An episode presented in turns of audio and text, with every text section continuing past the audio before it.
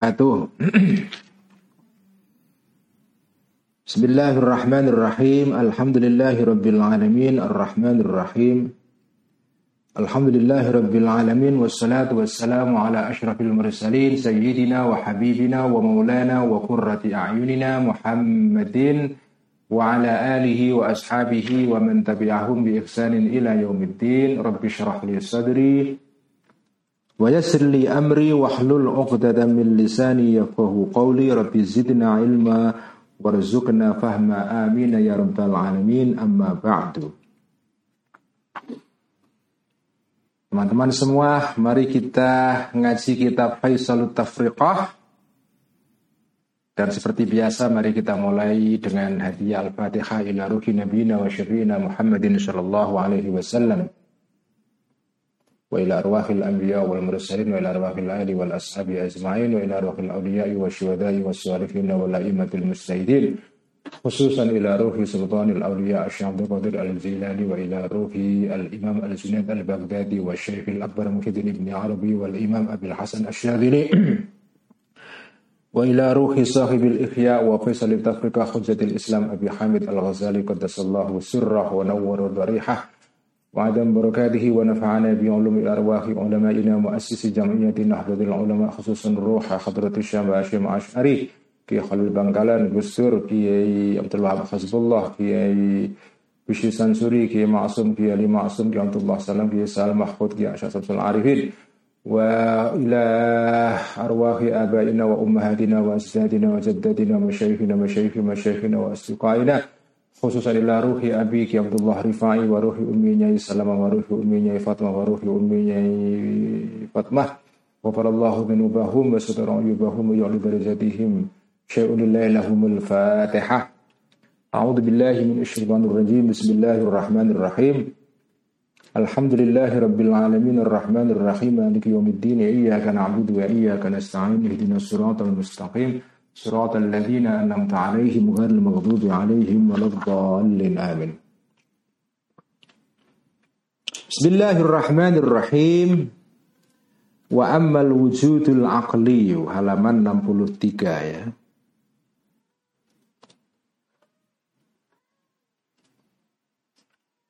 Betul ya. Wa ammal wujud sebentar. Al tsani. Mohon maaf ini. Eh, keterangannya keliru di apa di di apa di YouTube maupun di uh, Facebook ya. Keterangannya keliru. Uh, makroknya adalah al mithalutsani jadi kita masih menerangkan mengenai soal al wujudul hissi ya. Al wujudul hissi jadi kemarin dikatakan bahwa kembali saya ulang lagi ya. Jadi uh, jadi tema kitab ini kan mengenai soal perbedaan atau definisi apa itu kafir, apa itu iman ya. Nah dalam pandangan Al-Ghazali perbedaan pokok antara kafir dan iman adalah dalam hal tasdik dan takdir ya. Orang yang beriman adalah yang mempercayai yang dikabarkan, dibawa, diajarkan oleh kanjeng Nabi. Tasdik itu membenarkan, percaya tasdik ya. Yang disebut dengan kufur atau kafir adalah sebaliknya yaitu takdir menganggap bohong tidak percaya. Jadi tasdik dengan takdir ya. Nah, tasdik itu artinya membenarkan ya, percaya. Nah percaya bahwa apa yang dikatakan kanjeng Nabi diajarkan itu benar-benar ada. Nah kata ada ini ini menjadi pokok pembahasan di dalam keterangan Al Ghazali di sini.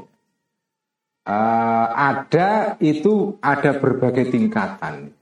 Ada itu ada berbagai tingkatan.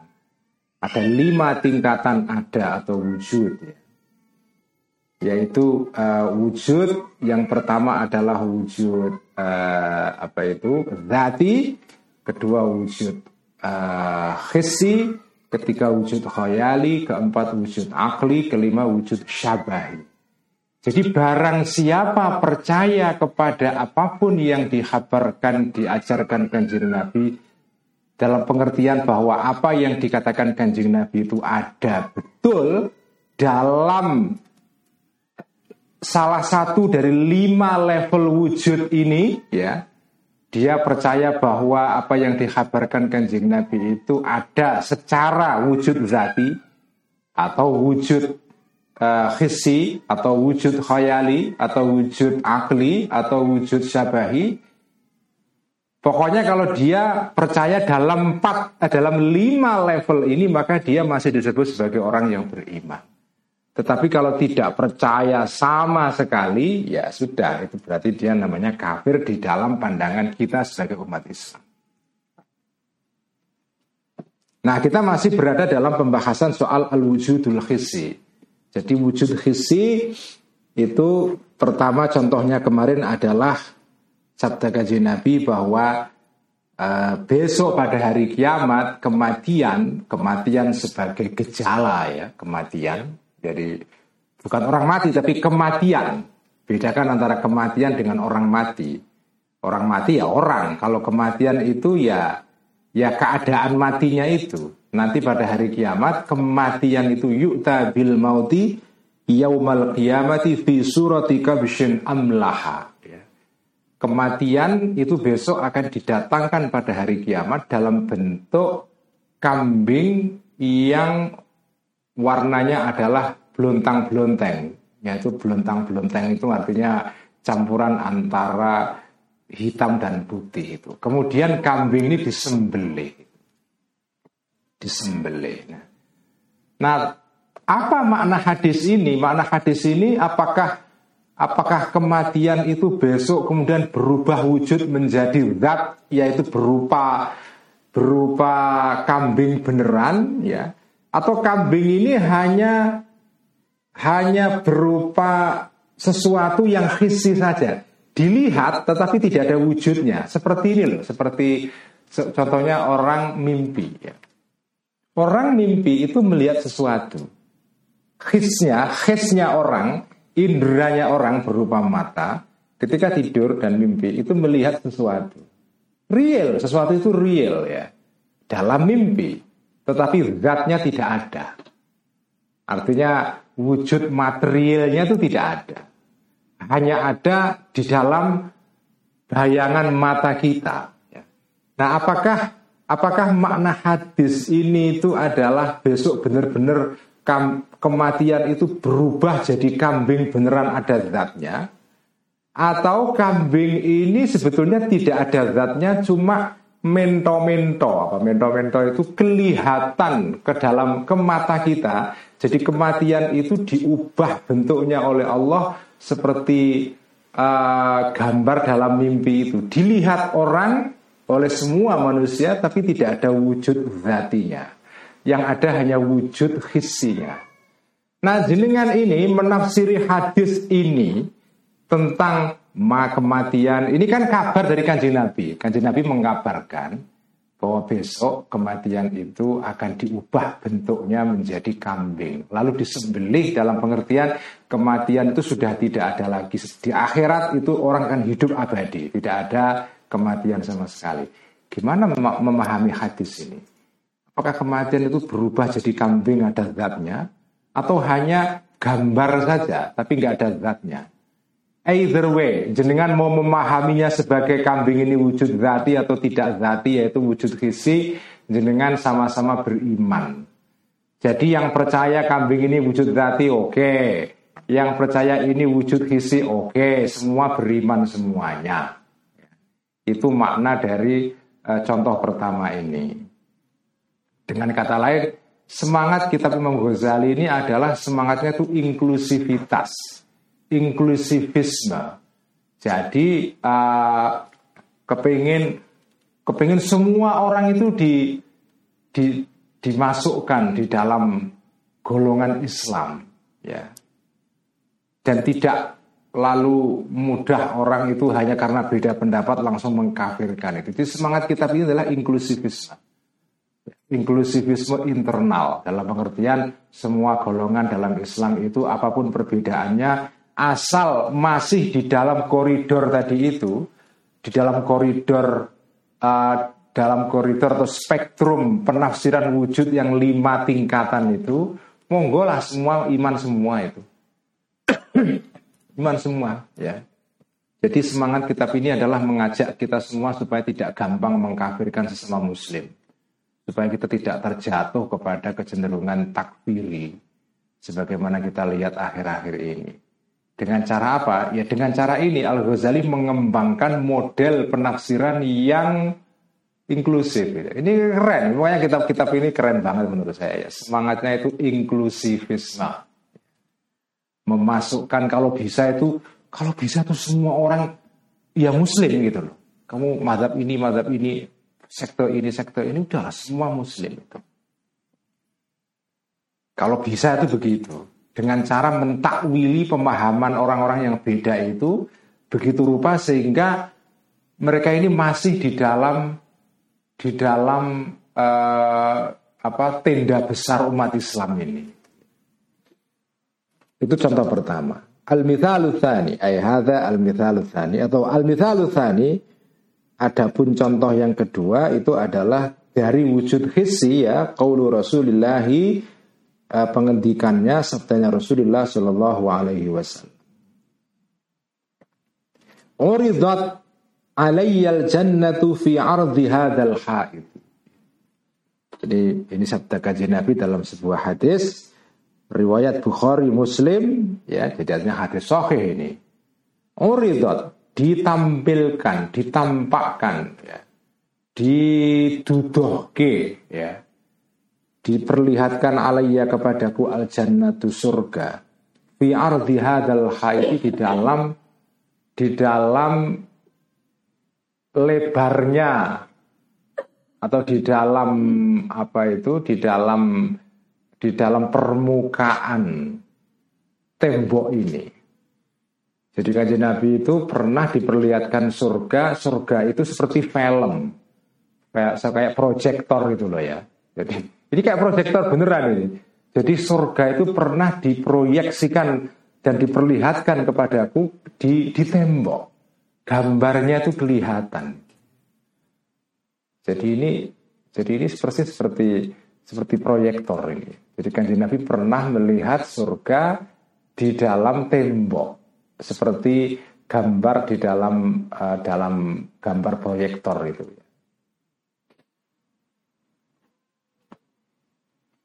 Kalau sekarang kalau zaman Zoom share screen, wah kayak gitu-gitu kira-kira ya share screen gitu ya. Faman maka barang siapa. Nah, bagaimana cara memahami hadis ini? Gimana ini? Apakah benar-benar surga itu terus secara zati itu ada di tembok itu? Ada wujudnya di tembok itu? Atau hanya gambarnya saja, wujud visinya saja? Apakah tembok itu ada wujud fisiknya? Ah, surga itu ada wujud fisiknya di tembok itu lalu dilihat kanji Nabi atau hanya wujud visinya saja? Ah, ini paman maka barang siapa? Koma yang tetap, yang berdiri Indahu bagi orang ini al-burhanu bukti ya. Dalil yang kuat ya. Ala annal ajsama bahwa sesungguhnya jisim-jisim. Jisim itu artinya sesuatu yang punya bentuk materi ya. Kayak handphone, kayak kacamata. Ini semua ajsam ini ya. Gelas, kitab, ballpoint, meja, kursi dan segala macam. Itu semua namanya jismun. Artinya sesuatu yang punya wadah punya bentuk material itu. Nah, kalau orang percaya berdasarkan bukti-bukti yang kuat secara ilmiah dan saintifik bahwa al-ajsam la tadadakhalu itu tidak saling saling uh, saling memasuki ya. Saling uh, interseksi ya. Jadi interseksi dalam pengertian Eh, materi satu dengan materi yang lain atau masa yang satu dengan masa yang lain itu saling saling menerobos satu terhadap yang lain. Jadi kalau ada orang percaya bahwa jisim itu ya sesuatu yang yang punya bentuk zati secara material itu tidak bisa terus kayak misalnya dua kitab ini ya. Ini saya contohkan ini. Ini dua kitab ini kitab ini dua ya. Ini punya jisim, ini punya jisim. Nah, ada orang yang berpendapat dua jisim itu tidak bisa menyatu. Tata dahol. Ya bagaimanapun kalau dia punya materi, punya sesuatu yang secara material bisa dilihat seperti ini, dia ya terpisah. Dia otonom satu dari yang lainnya.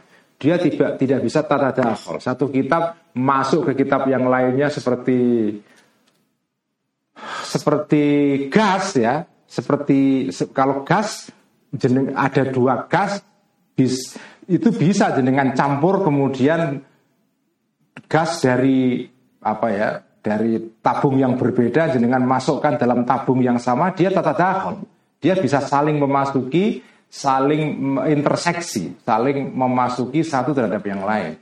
Tapi kalau jisim kalau benda itu nggak bisa mengalami uh, peleburan. Dia terpisah ya. Itu namanya al ajsamu la tatadakhal bahwa dua benda itu tidak bisa menyatu kalau cairan bisa menyatu, gas bisa menyatu. Tapi kalau benda yang punya wujud materi ya punya punya jasad ya punya jisim dia tidak bisa tadahul. Nah kalau orang percaya bahwa jisim itu tidak bisa saling memasuki menyatu jadi satu ya maka wa anna dan barang siapa punya bukti artinya punya berdasarkan penalaran dan berdasarkan bukti-bukti saintifik yang dia percayai ya yang dia ikuti bahwa wa annas dan sesungguhnya sesuatu yang kecil layat taslimu tidak bisa memuat lil kabiri kepada barang yang besar. Jadi misalnya gelas ini ya, ini kan kecil, kitab ini besar. Jenengan masukkan ke sini ya tidak bisa kitab ini hanya dimasukkan bisa dimasukkan ke wadah bejana yang bentuknya yang sebesar kitab ini. Tapi kalau dimasukkan ke dalam wadah yang lebih kecil itu tidak bisa. Berdasarkan burhan, berdasarkan bukti-bukti. Ya. Orang percaya bahwa sesuatu yang kecil tidak bisa mewadahi barang yang besar. Tembok itu kecil, surga itu lebih gede.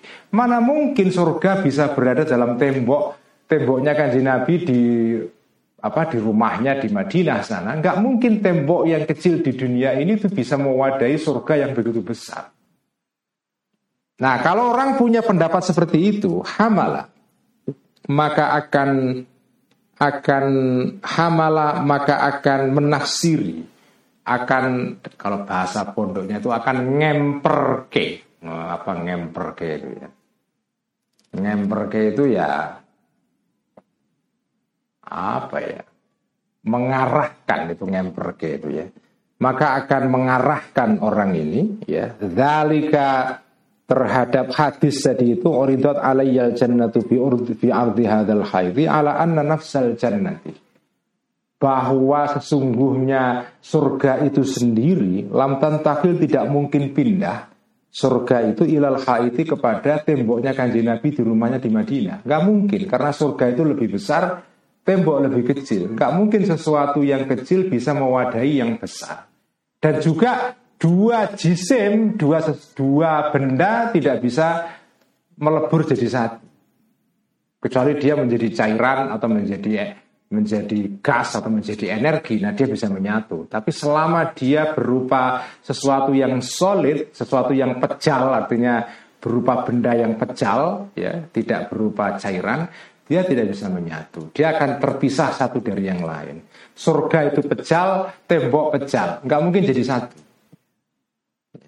Lakin, nah, menurut orang ini tafsirannya hadis tadi, orang yang mengikuti madhab atau dalil seperti ini, ya, dia menafsiri menafsiri hadis tadi itu maknanya begini, lakin tamatala. Tetapi nampak atau mento-mento ya uh, lil khisi kepada indera kanjeng Nabi atau indera kita. Suratuha inderanya kanjeng Nabi di sini ya. Suratuha gambarnya surga. Fil itu di dalam tembok hatta ka'annahu. Sehingga seolah-olah kanjeng Nabi itu yusyah itu menyaksikan kanjeng Nabi ha kepada jannah. Jadi tafsiran pertama ini tafsiran yang tidak letterlek. Ini tafsiran yang non harafiah mengatakan tafsiran pertama tafsiran orang yang punya pendapat bahwa dua benda tidak bisa menyatu dan benda yang kecil tidak bisa mewadahi benda yang lebih besar, mereka menafsiri bahwa hadis ini itu maknanya bukan artinya surga itu dipindahkan dari tempatnya entah di mana pindah ke Madinah di dalamnya kanjeng Nabi enggak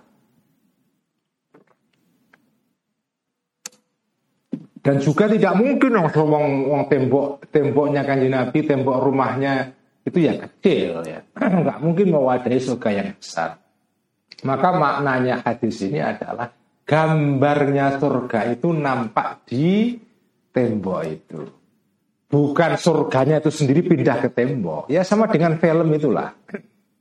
Film itu ya. Ketika Rano Karno, ini kok contohnya jadul banget ya Pak. Ketika Rano Karno itu gambarnya, uh, kalau Mbak Admin kepengennya Reza Radia, tapi saya generasi Rano Karno.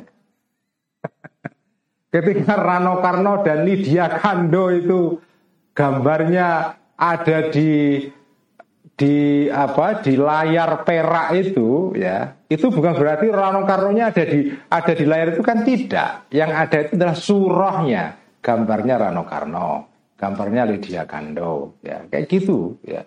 Nah kanjeng Nabi juga sama melihat gambarnya surga di tembok. Bukan surganya itu sendiri. Ini namanya wujud hissi ya. Jadi orang yang menafsiri hadis tadi itu secara wujud hissi itu dia tidak kafir. Enggak boleh orang yang percaya bahwa oh enggak. Ya hadis ini maknanya ya surga itu ya surga itu sendiri pindah ke tembok itu ada wujud zatinya.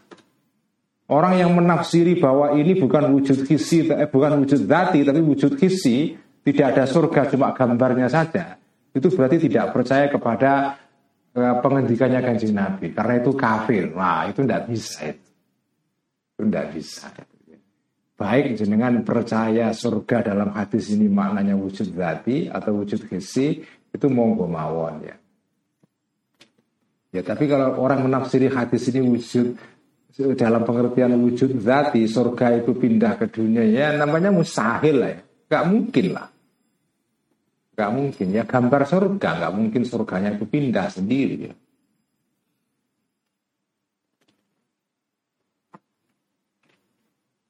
Wala dan tidak muhal an yushahada bisa dilihat mithalu syai'in sepadannya sesuatu ya. Sesuatu yang menyerupai sesuatu ya yang lain ya. Mithalu syai'in padanannya sesuatu kabirin yang besar. Hijirmin di dalam di dalam di dalam jisim, di dalam benda, sohirin yang kecil. Jadi bisa saja jenengan itu melihat sesuatu yang yang besar di dalam sesuatu yang kecil. Tapi tidak tidak barangnya itu sendiri, tidak sesuatu yang besar itu sendiri, tapi tapi eh, sepadannya atau sesuatu yang menyerupai dia. Jadi kayak surga tadi itu bukan surganya yang tampak di tembok, tapi sesuatu yang menyerupai surga yaitu gambarnya.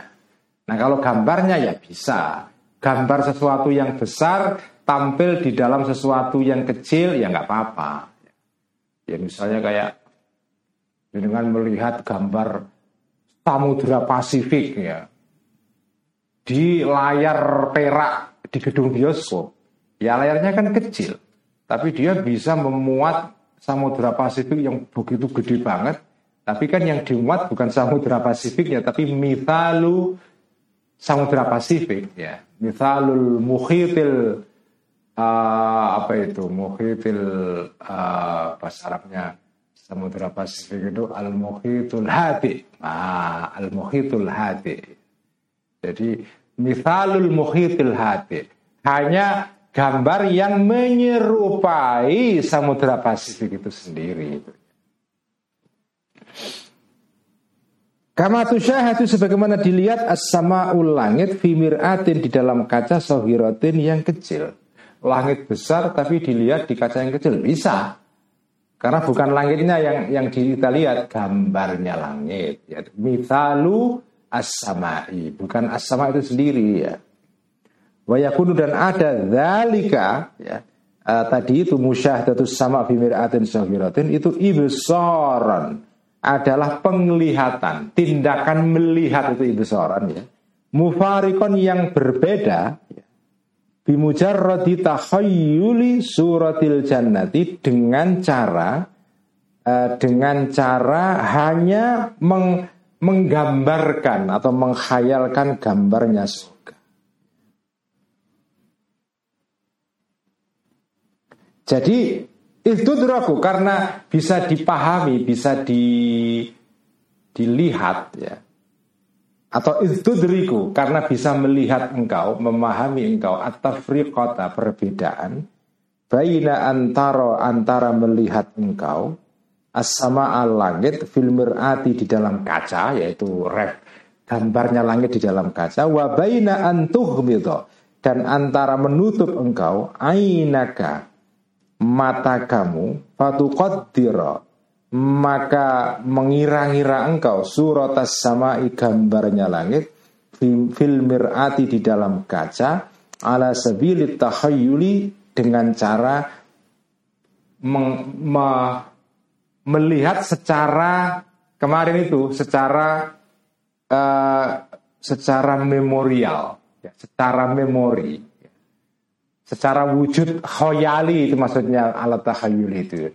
Nah nanti wujud khoyali akan diterangkan setelah ini ya. Jadi artinya ketika jenengan itu melihat gambar langit yang sebagai langit sendiri itu gede sekali wujudnya di dalam kaca yang kecil itu kan bisa kaca itu kecil tapi jenengan bisa melihat gambar langit yang tercermin di dalam kaca. Itu kan bisa. Artinya kalau langitnya sendiri tidak bisa dimasukkan di kaca karena kaca kecil.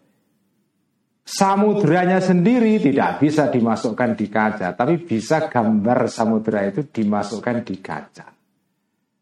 Nah, ketika jenengan melihat langit atau samudra di kaca, itu tindakan jenengan melihat tadi itu, melihat langit, melihat samudera di kaca atau melihat gambar orang di layar perak dalam gedung bioskop, itu tindakan melihat sendiri itu seperti itu itu adalah tindakan melihat yang mufarikon yang uh, berdiri sendiri sebagai uh, sebagai sesuatu yang yang otonom yang terpisah. Dalam pengertian sesuatu yang jenengan lihat itu itu adalah masuk dalam level wujud yang berbeda dengan wujud yang lain.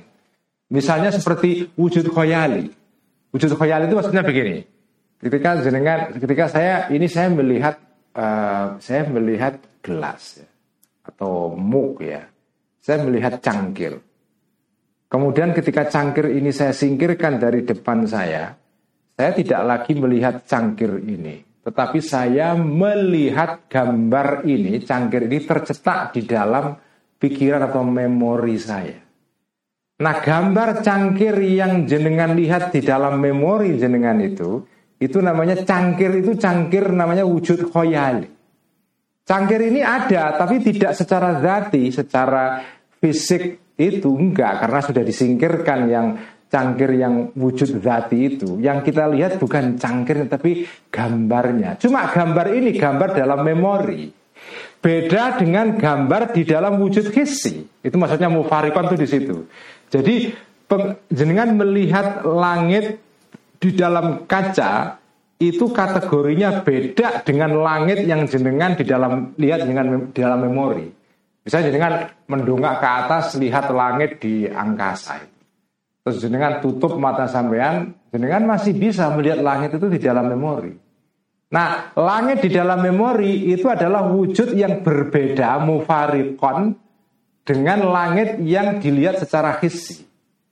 Langit yang jenengan lihat secara hissi itu seperti langit di dalam gambar kaca, dalam kaca atau langit yang disoting ya, disoting kemudian apa di diproyeksikan di layar perak di gedung bioskop itu ada langit ada tapi ada secara hissi tapi langit yang ada di dalam memori sampean itu namanya wujudnya langit di dalam wujud khoyali. Jadi langit di dalam gambar gedung di gambar layar perak gedung bioskop itu wujudnya beda dengan langit yang ada di dalam memori jenengan yang jenengan ingat yaitu gambar langit yang tercetak dalam memori. Itu dua-duanya wujud tapi wujud yang berbeda. Yang satu wujud hisi, yang satu wujud khoyal. Itu namanya ibsaran mufariqan itu ya. Ibsaran mufariqan. Ini istilah-istilah kayak begini ini perlu dijelaskan, dijelentreh, jelentreh agak banyak karena memang ya ya ini istilah-istilah yang tidak biasa kita jumpai dalam kitab-kitab pada umumnya ya karena ini kitab yang agak bau filsafat memang. Jadi istilah-istilah mufariqan itu itu istilah filsafat. Wujudul mufarik itu artinya wujud yang otonom. Contohnya tadi itu wujud di dalam khoyal itu beda dengan wujud di dalam his, dalam indera. Namanya wujudun mufarikun. Itu istilah dalam filsafat. Ya, kita perlu terangkan sedikit agak agak panjang ya. Sudah, kita selesai ya. Wujud hisi sudah, wujud zati sudah. Jadi kembali lagi kacamata ini sebagai kacamata wujud zati. Kalau kacamata ini kemudian hadir di mimpi saya namanya wujud hisi. Kaca ini di syuting kemudian di video di apa di direkam pakai video handphone kita kemudian jenengan lihat lagi hasil rekaman video itu kaca itu jenengan lihat tapi itu bukan kaca yang zati tapi kaca sebagai wujud hisi.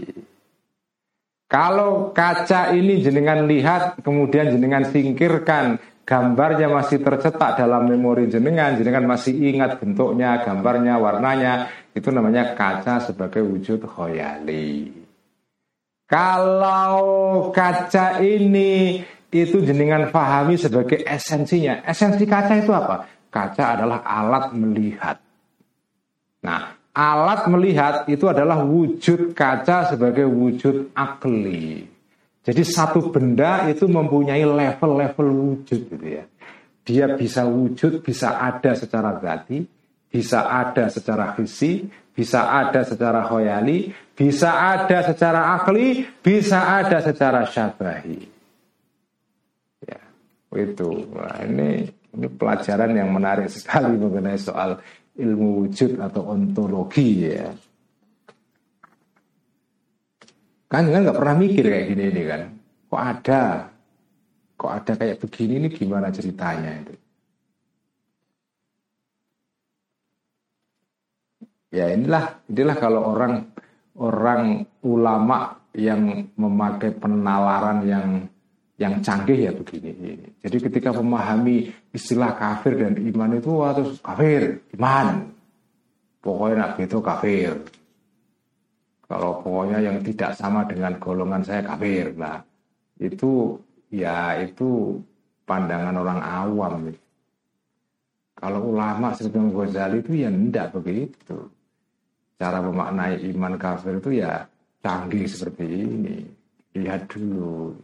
Iman itu tasdik. Tasdik itu artinya percaya bahwa sesuatu yang dikatakan kajian Nabi ada. Ada itu lima level. Oh, kan gitu kan? Canggih banget ini ya. Canggih banget.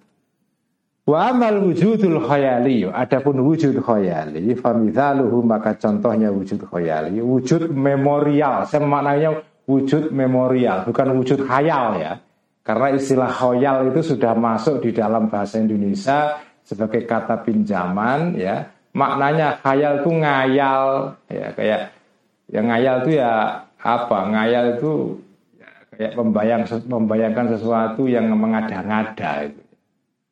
Menghayal itu kan menghayalkan jumlah menghayalkan apa gitu pasangan nah itu menghayal nah makna khayal di sini bukan seperti itu bukan khayal dalam pengertian bahasa Indonesia yang sudah kita pahami selama ini khayal, khayalan itu kan itu. Khayal di sini artinya memori. Jadi al wujudul khayaliyu maknanya adalah wujud memorial. Wujud di dalam memori, di dalam ingatan. dalam ingatan itu. Wa amal wujudul khayali adapun wujud memorial Famitaluhu maka contohnya wujud khayali ini adalah qauluhu. Jadi, jadi contohnya semua sabda kaji Nabi karena ini bicara mengenai soal syariat ya mengenai agama bukan contohnya itu adalah barang-barang yang tidak ada kaitan dengan agama karena ini kan bicara soal iman dan kafir. Jadi contohnya ya harus ayat Quran ataupun hadis karena menyangkut kepercayaan iman itu. Kalau menyangkut contoh-contoh yang non keagamaan kayak tadi kacamata ini wujud hoyali, hisi, apa, zati segala macam itu tidak ada urusan karena tidak menyangkut urusan. Dengan memaknai kaca itu apakah kacamata itu sebagai wujud zati atau hisi atau hoyali itu tidak ada urusan dengan masalah agama, nggak ada urusan dengan masalah iman dan kafir. Jadi contohnya harus contoh yang uh, apa namanya Eh, terkait dengan agama. Pamisaluhu maka contohnya wujudul khayal. Al wujudul khayali qaulu adalah pengendikannya kanjeng Nabi sallallahu alaihi wasallam. Kanjeng Nabi ngendikan ka'anni anzuru ila Yunus ibni Matta alaihi salamu alaihi aba'atani qatawaniyatani yulabbi wa tujibuhul jibalu. Wa anna Allah tabaraka wa ta'ala yaqulu labbaika ya Yunus. Ini hadisnya ya. Ka'ani seolah-olah aku kanjeng Nabi Anzuru melihat aku Ila Yunusa ibni Matta Kepada Nabi Yunus bin Matta. Kalau di dalam Alkitab atau Bible sering disebut namanya Yona Yona salah satu sosok penting di dalam juga dalam Alkitab atau perjanjian lama ya dalam kitabnya orang Yahudi. Jonah itu. Ila Yunus kepada Yunus ibn Matta alaihi salam. Aku kaji Nabi itu melihat Nabi Yunus ini eh, seolah-olah alaihi pada Nabi Yunus ini atani ada dua jubah. Ya abah itu artinya kalau orang perempuan namanya abaya ya abaya. Kalau laki-laki itu biasanya disebut, biasanya abaya, abaya itu istilah lain dari abaah sebetulnya itu ya ya dialek saja lah. Ada abaya, ada abaah. Ya. Abaatani dua abaya atau dua jubah ya. Khotowaniyatani yang berwarna putih, berwarna putih dan eh, jadi aba kotowaniyata ini artinya adalah jubah yang ada apa ya kalau biasanya kalau di Saudi itu orang pakai jubah terus di pinggirnya itu ada kayak wirunya gitu apa bukan wiru ya kayak kayak apa namanya Mbak Admin ya kayak aplikasi. Jadi jubah bagian pinggir itu ada kayak aplikasinya kayak kayak kayak sajadah itu loh. Sajadah itu kan di ujung uh, di dua ujungnya itu kan ada kayak apa namanya pentil-pentilnya itu apa namanya? Hiasan. Ada hiasan. Hiasan eh? istilahnya apa itu ya? Ya pokoknya hiasan berupa kayak kayak kayak sajadah itu. Sajadah itu kan di ujungnya kan ada kayak kayak hiasan berupa berupa apa namanya ya kayak kayak rumbai-rumbai nah rumbai-rumbai jadi jubah yang ada rumbai-rumbainya di pinggirnya cuma rumbai-rumbainya itu pendek karena kalau rumbai-rumbainya itu panjang itu namanya bukan foto waniyatan jadi artinya Nabi Yunus ini pakai dua jubah, jubah dalam dan jubah luar. Jadi gagah sekali itu ya. Yang jubahnya itu warnanya putih di bagian pinggirnya itu ada rumbai-rumbainya. Oh ya. Yulabi dalam keadaan membaca talbiyah. Talbiyah ya. Nabi Yunus ini watujibu dan menjawab dan meresponhu kepada Nabi Yunus al-jibalu gunung-gunung. Jadi apa ya Nabi Yunus itu kan dikenal sebagai nabi yang apa namanya ya di disia-siakan atau di diperlakukan secara semena-mena oleh oleh masyarakatnya ya. Dan kemudian dia um, pergi meninggalkan komunitasnya. Kemudian ketika sampai di laut ya dia dimakan oleh uh, ikan besar itu kan nah ketika di dalam apa itu di dalam perut ikan itu Nabi Yunus membaca tasbih berpikir kepada Allah sehingga akhirnya dia keluar lagi berhasil keluar dari dari perut ikan itu.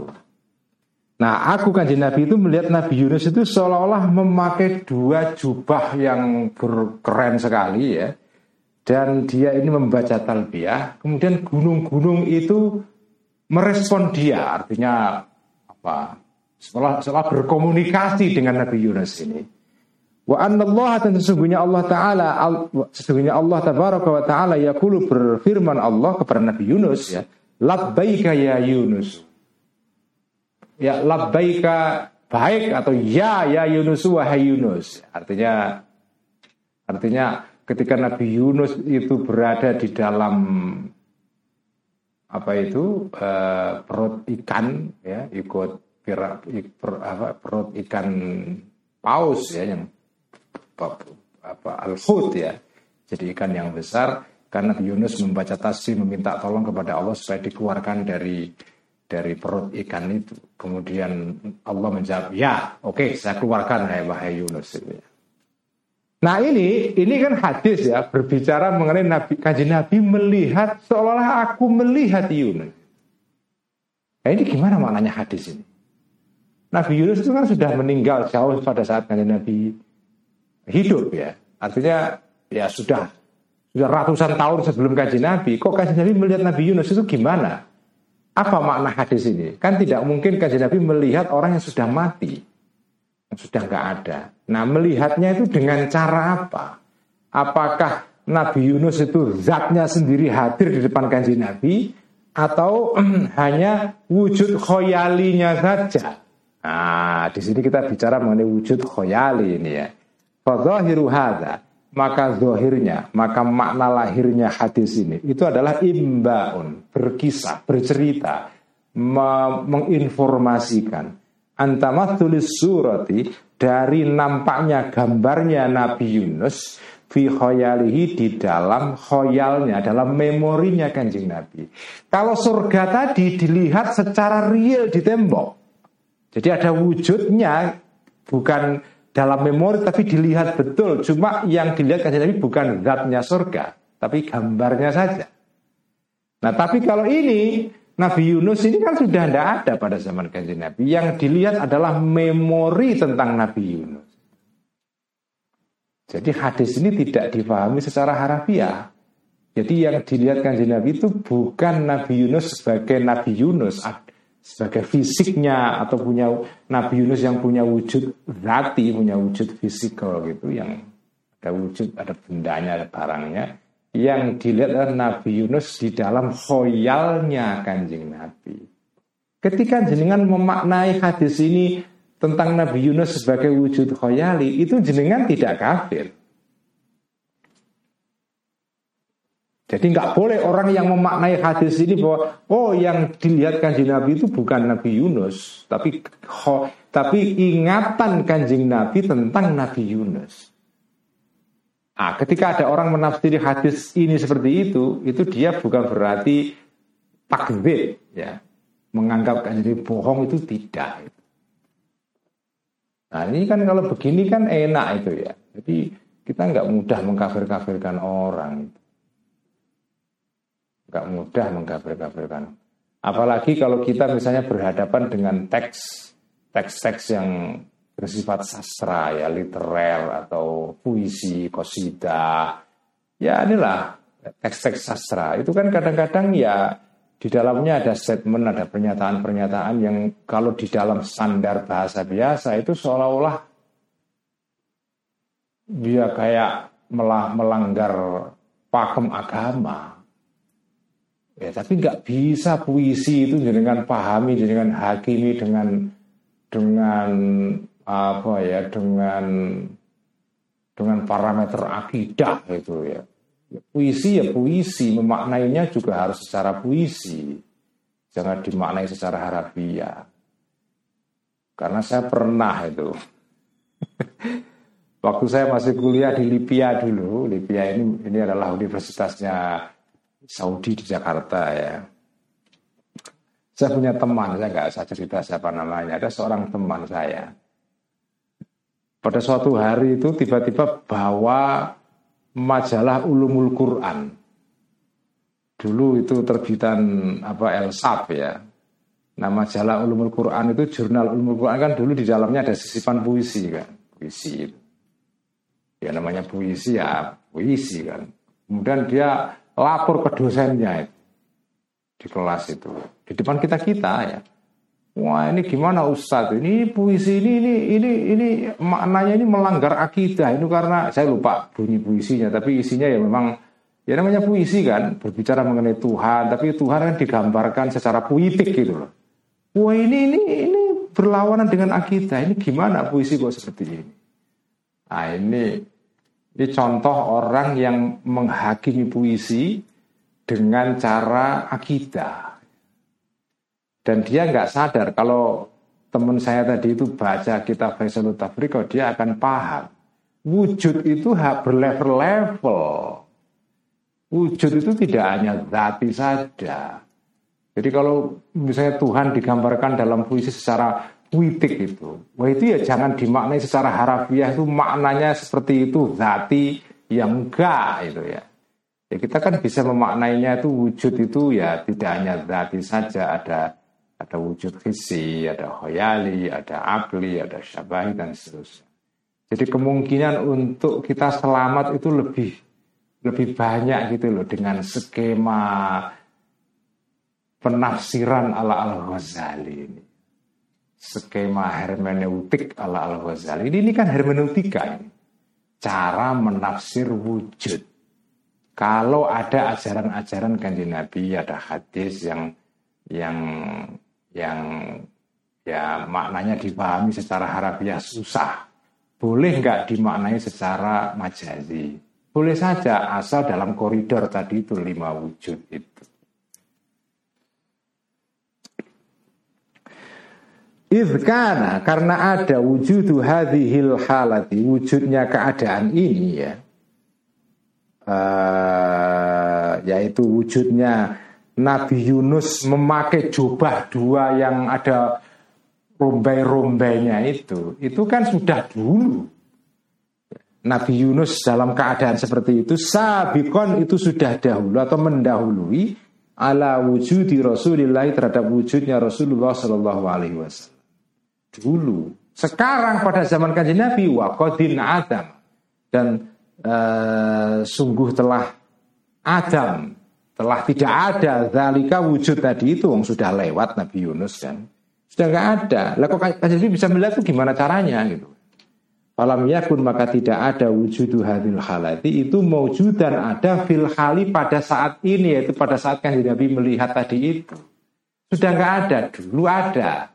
Nah yang tersisa memorinya dalam diri kanjeng Nabi, kanjeng Nabi seolah-olah melihat melalui memori. Jadi kayak dengan pernah pergi ke Bali tahun lalu, terus sekarang karena pandemi terus wah saya kok kepengen ke Bali ya. Setelah saya tuh lihat Bali itu, Bali itu membayang di mata saya. Ya itu tidak berarti Bali itu pindah ke sini yang enggak, itu Bali dulu sebelum pandemi kok. Sekarang ini yang kita lihat ya bayangan Bali di dalam memori kita. Begitulah Begitulah cara Al Ghazali memaknai hadis ini. Jadi hadis ini Wujud dalam hadis ini yaitu wujudnya Nabi Yunus menggunakan make jubah putwaniyatani tadi itu itu adalah wujud khoyali. Bukan wujud dati atau hissi itu. Apakah orang memahami itu kafir? Enggak enggak karena masih dalam koridor lima wujud itu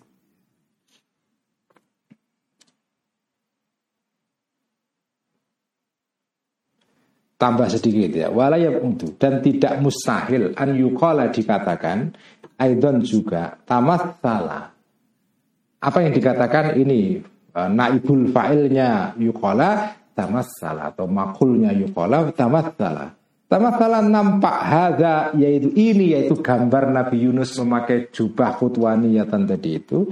Fi di dalam indranya kanji Nabi dalam uh, matanya kanji Nabi hatta soro sehingga jadi hada atau sehingga jadi ya hada ini itu yushahidu melihat kanji Nabi hu kepada hada kama yushahidu sebagaimana melihat imu orang yang tidur aswaro gambar-gambar jadi yang dilihat adalah kajian Nabi itu melihat gambarnya Nabi Yunus di dalam indranya. Jadi kalau dalam tafsiran ini namanya adalah wujud di sini wujud hissi, bukan wujud khoyali. Jadi jadi hadis ini bisa dipahami sebagai contoh wujud hissi atau juga wujud khoyali. Ya, gak apa-apa ya, tapi yang penting bukan wujud berarti itu ya. Walakin qaulau tetapi uh, sabdanya kanji Nabi ka'anni anduru seolah aku melihat ya bagian dari hadis tadi itu ka'anni anduru itu yushiru memberikan menyarankan memberikan makna memberitahu kaulahu tadi itu bi annau sesungguhnya uh, bi annau sesungguhnya apa uh, sesungguhnya uh, an-nazar ya. Jadi rujuknya kepada ka'ani anduru itu dari an-nazar. Itu lam yakun tidak ada an-nazar itu hakikatan nazari. Sejatinya melihat jadi kan hadisnya ka'ani aku seolah-olah aku tuh melihat jadi tidak melihat beneran seolah-olah makanya namanya wujud khoyali karena kalau wujud hisi itu tidak seolah-olah ketika Nabi melihat surga tergambar terproyeksikan di tembok di rumahnya di Madinah itu bukan seolah-olah yang melihat beneran. Cuma yang dilihat adalah gambarnya. Kalau ini yang dilihat itu adalah bayangan di dalam memori. Karena itu kajian Nabi menggunakan kata ka'anni andur.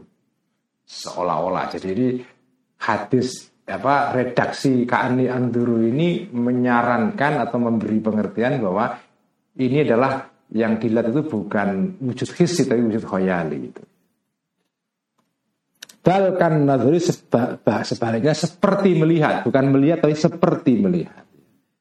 Wal dan tujuan dari ungkapan kaji Nabi Ka'ani Andru dalam hadis tadi itu at memberikan pemahaman bil mithali dengan dengan uh, dengan sepadannya sesuatu, dengan contohnya sesuatu. Jadi yang dilihat kajian Nabi itu bukan gambarnya Nabi Yunus seperti tadi itu kajian melihat gambar surga, tapi yang dilihat adalah memori tentang Nabi Yunus. Tapi jadi tidak langsung gambarnya Nabi Yunus, tapi memori tentang Nabi Yunus. Jadi itu namanya misal itu di situ ya. Makanya ini hadis ini contoh dari wujud khoyali. Wa alal jumlati dan secara keseluruhan saudara-saudara sekalian, yang dirahmati oleh Allah Subhanahu wa taala maka segala sesuatu ya tamathalu yang tergambar yang nampak ma ini fi mahallil khayali di dalam tempatnya khayal memori itu yutasawwaru bisa digambarkan, bisa dibayangkan. Sesuatu yang ada di dalam memori jenengan, jenengan pernah ke Bali setahun yang lalu, lalu ingatan Bali masih tercetak dalam ingatan jenengan, jenengan pernah pergi ke Parangtritis dua tahun lalu, kemudian masih tercetak dalam ingatan jenengan, sesuatu yang yatamatsalu fi mahallil khayal itu bisa dibayangkan an yatamatsala untuk ad, untuk tergambar ma tadi itu fi mahallil ibsari di dalam konteks atau tempatnya melihat. Jadi saking kuatnya memori di dalam ingatan jenengan, jenengan seolah-olah melihat sesuatu itu sendiri. Saking jenengan ingatnya wisata ke Bali dua tahun lalu sebelum pandemi itu, dan saking kepinginnya jenengan ke Bali lagi tapi nggak sempat karena ada ppkm, itu sampai gambar Bali itu nampak sekali itu. Walaupun ya Balinya di sana. Memorinya itu begitu kuat. Dalam bahasa Inggris itu ada istilah sendiri itu vivid ya. Vivid artinya hidup sekali itu ya. Vivid itu ya. Jadi hidup sekali itu. Nah, Karena begitu kuatnya memori, maka ya seperti dilihat itu ya. Fayakunu maka ada eh, zalika tadi itu tasawur fi mahallil khayal itu musyahadatan itu seperti melihat langsung itu.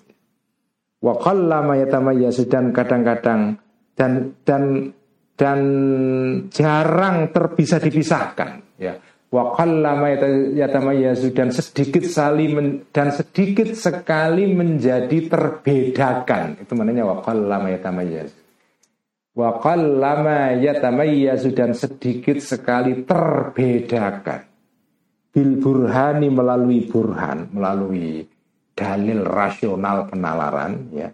Istihalatul musyahadati muhalnya tidak mungkinnya melihat dengan mata bima di dalam sesuatu yutasawaru yang bisa digambarkan fihi di dalam ma at-tahayyulu tahayyul melihat secara memorial itu. Sesuatu yang tercetak secara kuat dalam memori itu itu susah dibedakan dengan melihat dengan mata. Saking kuatnya memori itu sehingga ya seperti dilihat dengan mata. Sehingga dibedakan itu susah. Itu maknanya wakal lama yatamayyazu di sini ya. Sekian ngaji musnad malam ini. Eh, ngaji Faisal Tafriqah malam ini dan saya agak lelah ini ya. Ternyata wah berat ngaji Faisal Tafriqah itu ya. Ya kalau ngaji ya akan enak ya. Kalau ngaji Faisal ini memang agak ngeluh nih ya sama lah dengan kitab Mishkatul Anwar dulu ya. Tapi nggak apa-apa, kita nikmati saja ya. Kita nikmati saja. Ya, kita mengikuti um, apa langkah demi langkah cara Imam Ghazali menjelaskan itu. Bagaimana definisi iman dan kafir itu. Dan definisinya ini nggak pernah terbayangkan oleh kiai zaman sekarang atau ulama zaman sekarang, apalagi netizen zaman sekarang nggak bakalan ini. Kan nggak pernah dengan membayangkan kayak begini. Kok mendefinisikan iman dan kafir kok canggih seperti ini. Jadi di, kenapa dibuat canggih? Ya supaya orang nggak sembarangan mengkafirkan orang gitu loh. Kalau definisi kafir itu mudah kan dikit-dikit kafir, dikit-dikit kafir. Kafir kok dikit-dikit itu ya. Nah itu. Ya kalau bisa itu diperketat, dicanggihkan supaya nggak sembarangan orang itu mengkafirkan orang lain. Ya. Sekian, mari kita tutup dengan bacaan sholawat tibil. Allahumma salli ala sayyidina Muhammadin tibbil qulubi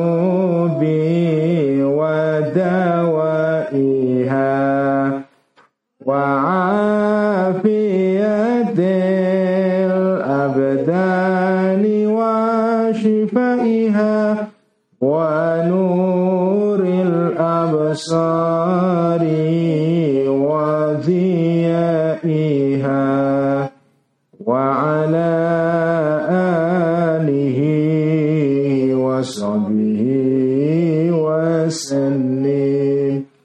اللهم صل على سيدنا محمد طب القلوب.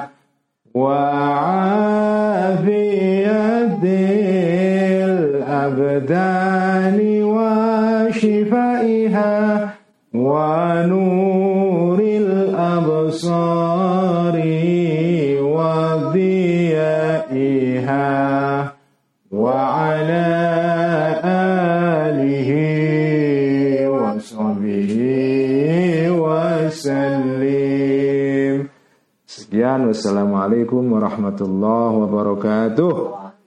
Terima kasih Kang Malik di Sydney, Kang Tajib, Mbak Titi Razak, Nurun, Mbak Nidia. Ini Mbak Gryffindor ini rajin sekali ikut ngaji terus ini. Mas Heris dan yang lain-lain. Sampai ketemu besok malam ngaji ya.